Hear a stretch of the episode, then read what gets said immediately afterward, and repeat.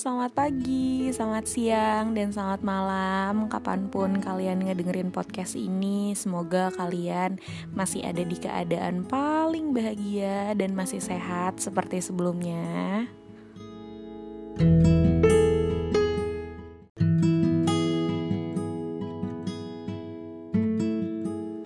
Welcome to this podcast episode kelima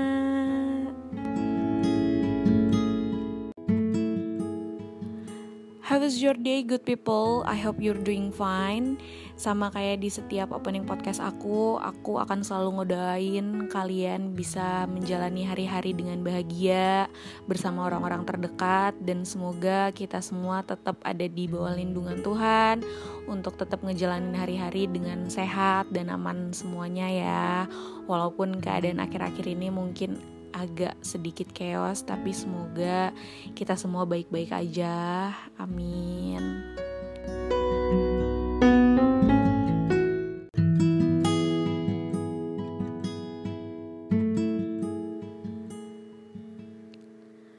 Well, let's get to the topic. As a human being, kita pasti punya yang namanya emosi yang dinamis yang mungkin tergantung sama kondisi dan suasana hati kita. Mungkin ketika kita lagi emosinya stabil, kita bisa aja jadi bahagia banget. Tapi pas emosinya lagi nggak bisa kekontrol, kita jadi bisa ngeluapin marah kita, entah itu ke diri kita sendiri ataupun ke orang-orang di sekitar kita. Ujung-ujungnya pasti akan ada hati yang disakitin karena emosi yang labil itu tadi. Episode kali ini aku bakal ngebahas tentang sakit hati. Kita semua pasti pernah ngerasain yang namanya sakit hati.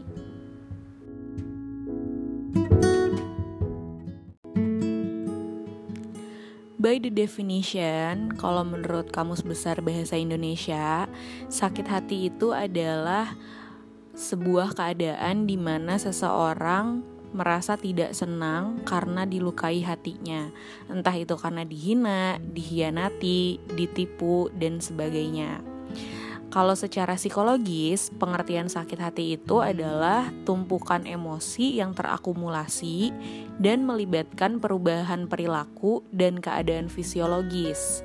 Sakit hati sendiri itu ternyata tergolong emosi yang negatif yang bisa berpengaruh terhadap perilaku individu dan dalam proses pengambilan keputusan. Kenapa aku ngejelasin definisi ini di awal? Karena aku pengen nyamain dulu nih persepsi kita tentang sakit hati yang bakal aku bahas di podcast kali ini.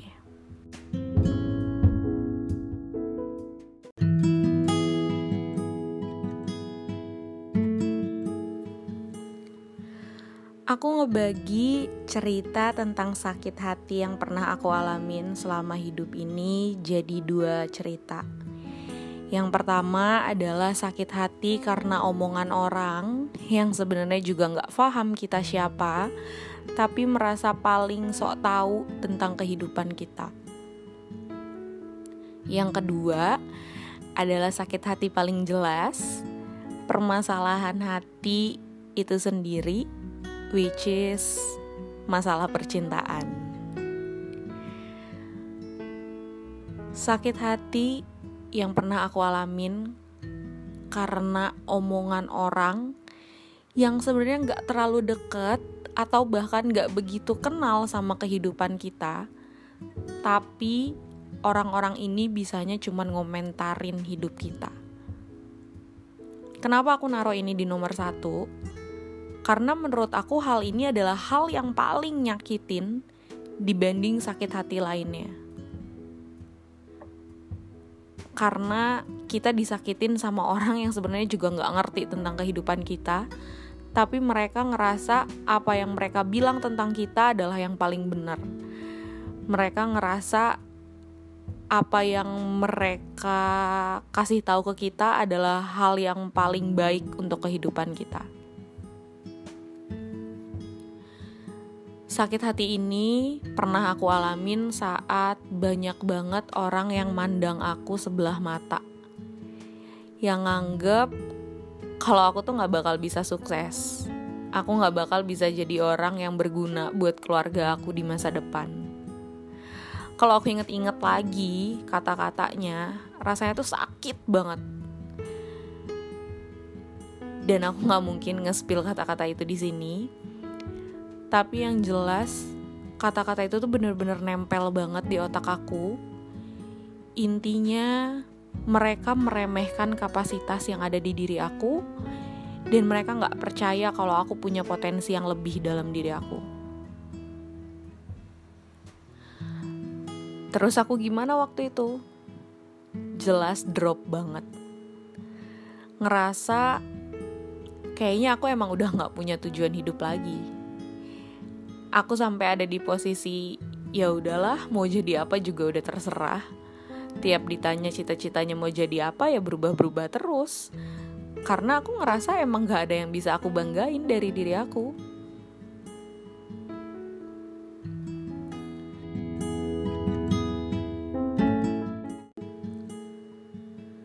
sampai akhirnya aku ada di titik bisa ngeraih semua pencapaian dalam diri aku dengan usaha aku sendiri dan gak ada sedikit pun bantuan dari orang-orang yang dulu sering ngomentarin hidup aku.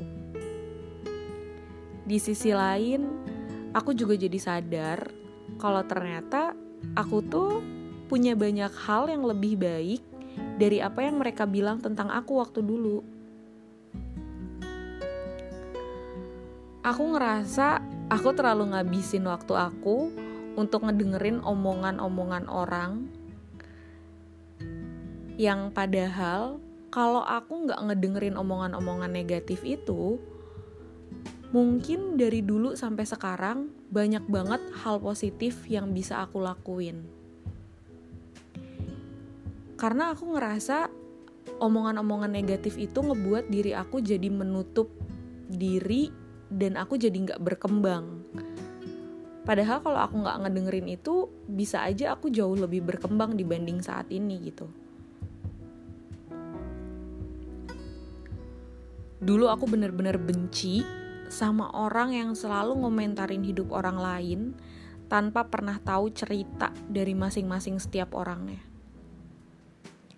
ngerasa apa yang mereka nilai tentang seseorang, apa yang mereka pikirkan tentang seseorang, itu adalah benar menurut mereka.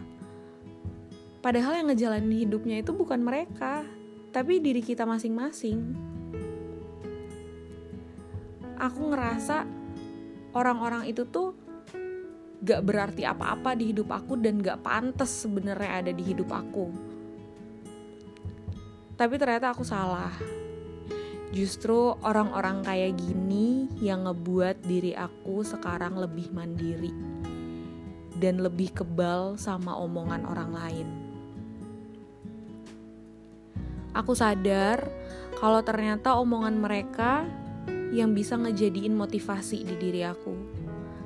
Karena akhirnya gak tahu kenapa aku jadi obses buat ngebuktiin ke mereka semua kalau aku bisa ngelakuin semua hal yang aku mau kalau aku bisa memberikan hal yang lebih sama orang-orang terdekat aku.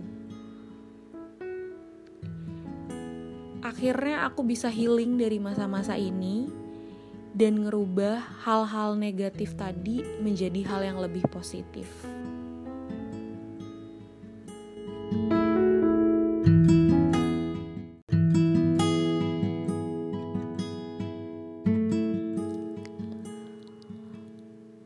On ke cerita sakit hati selanjutnya. Kayaknya kalau di cerita sebelumnya aku terlalu berapi-api, semangat banget ceritanya, emosi. Kali ini aku bakal lebih tenang, mencoba lebih tenang menceritakannya karena ini berhubungan sama cinta. Hmm. Semua orang pasti pernah ngalamin yang namanya jatuh cinta dong. Saking jatuhnya, malah ada yang lupa buat bangun. Saking dalamnya jatuh, ujung-ujungnya malah bikin patah hati. Dan setiap orang juga pasti pernah punya cerita patah hatinya sendiri-sendiri. Mungkin karena diputusin, diselingkuhin, dibohongin, ditinggalin gitu aja. Atau mungkin karena rasa cintanya yang gak pernah bisa dibalas sama orang yang dia cintain. Patah hati terparah yang pernah aku alamin adalah ketika aku harus punya perasaan sama seseorang yang padahal udah klop banget, udah nyaman banget. Tapi ternyata aku tahu kalau kita nggak akan pernah bisa jalan di jalur yang sama. Aku tahu kalau ternyata emang bukan dia orang yang tepat. Ada satu dan lain hal yang ngebuat kita nggak bisa jalan barengan. Dan kita berdua tahu kalau kita emang nggak bisa. Ini deep banget sih feelingnya. Atau mungkin cerita patah hati lainnya adalah ketika aku punya perasaan sama seseorang tapi ternyata orang itu cuman ngejadiin aku sebagai pelampiasan. Let's say cuman buat refreshing sejenak ketika hubungan dia lagi jenuh. Sedangkan aku di sini udah berharap banyak, and again, aku nggak bisa ngapa-ngapain karena aku nggak mungkin jadi perusak hubungan orang. Mungkin ada beberapa orang yang denger cerita ini berpikiran kayak, ya elah, Emang segitu berpengaruhnya ya permasalahan cinta sampai bikin sakit hati? Dan aku bakal ngejawab, iya banget. Aku pernah ada di posisi nangis semalaman, padahal nggak jelas gara-gara apa. Padahal mungkin belum tentu juga orang yang aku tangisin itu tahu kalau dia lagi ditangisin.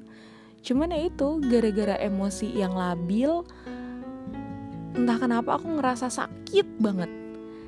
Kayak rasanya tuh ada lubang di dalam hati dalam banget lubangnya. Tapi aku tuh nggak tahu isinya apa tapi ngerasa kayak bikin sesek gitu loh di hati. Kalian pernah nggak sih ngerasain kayak gitu? Ngerasa kok kayaknya Tuhan gak adil ya?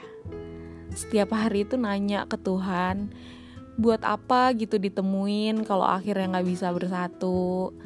Kenapa aku harus punya perasaan kayak gini sama orang itu? Kenapa perasaan aku tuh nggak bisa dibales sama orang itu? Ih sedih banget ya kalau diinget-inget tuh. Aku dulu nggak ngerti deh. Tapi akhirnya Tuhan ngejawab itu semua saat aku nemuin orang yang tepat Mungkin waktu itu jawaban Tuhan adalah mereka semua dihadirkan di hidup aku biar aku tahu gimana rasanya sakit. Biar aku tahu kalau kehidupan itu gak cuman ketawa, tapi juga ada nangisnya. Dan biar aku bisa lebih menghargai perasaan orang lain karena aku tahu gimana rasanya disakitin jadi sebisa mungkin harusnya aku nggak ngebuat orang lain sakit hati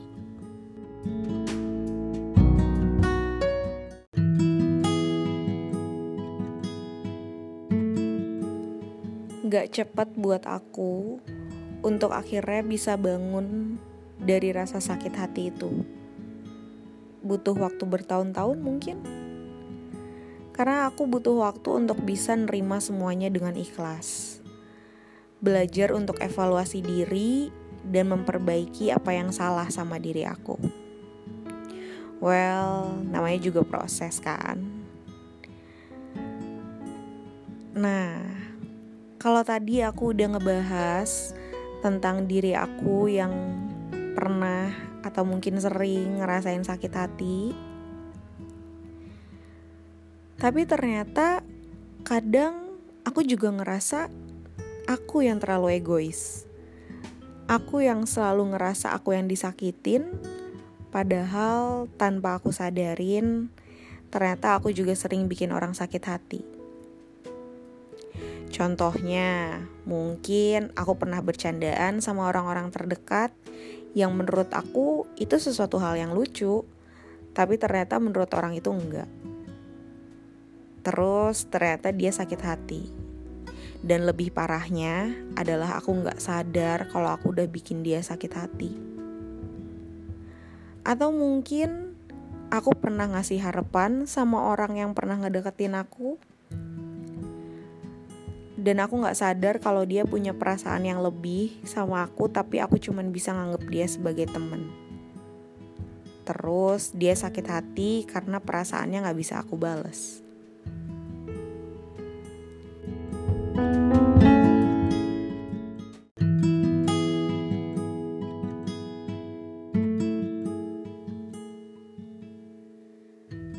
So, through this podcast, I just wanna say sorry to all of you. Untuk kalian semua yang mungkin dengan atau tanpa aku sadarin pernah aku buat sakit hati, mungkin secara lisan, tulisan, ataupun perilaku, aku bener-bener minta maaf dari hati aku yang paling dalam. Dan aku harap semoga kalian bisa maafin aku dengan ikhlas. Dan buat yang dulu pernah bikin aku sakit hati, aku juga udah mencoba untuk memaafkan kalian semua dengan ikhlas. You guys are the best experience that teach me a lot. And by this podcast, aku juga mau ngasih tahu ke kalian untuk bisa saling menghargai dan menjaga perasaan seseorang. Karena kita nggak akan pernah tahu suatu saat nanti mungkin orang itu adalah orang yang paling kita butuhin di dalam hidup kita. Maafin orang lain bukan berarti kita ngebuat orang itu jadi lebih baik. Tapi justru kita akan jadi lebih baik kalau kita maafin orang lain. Memaafkan juga bisa ngebebasin kita dari rasa sakit yang pernah terjadi di masa lalu.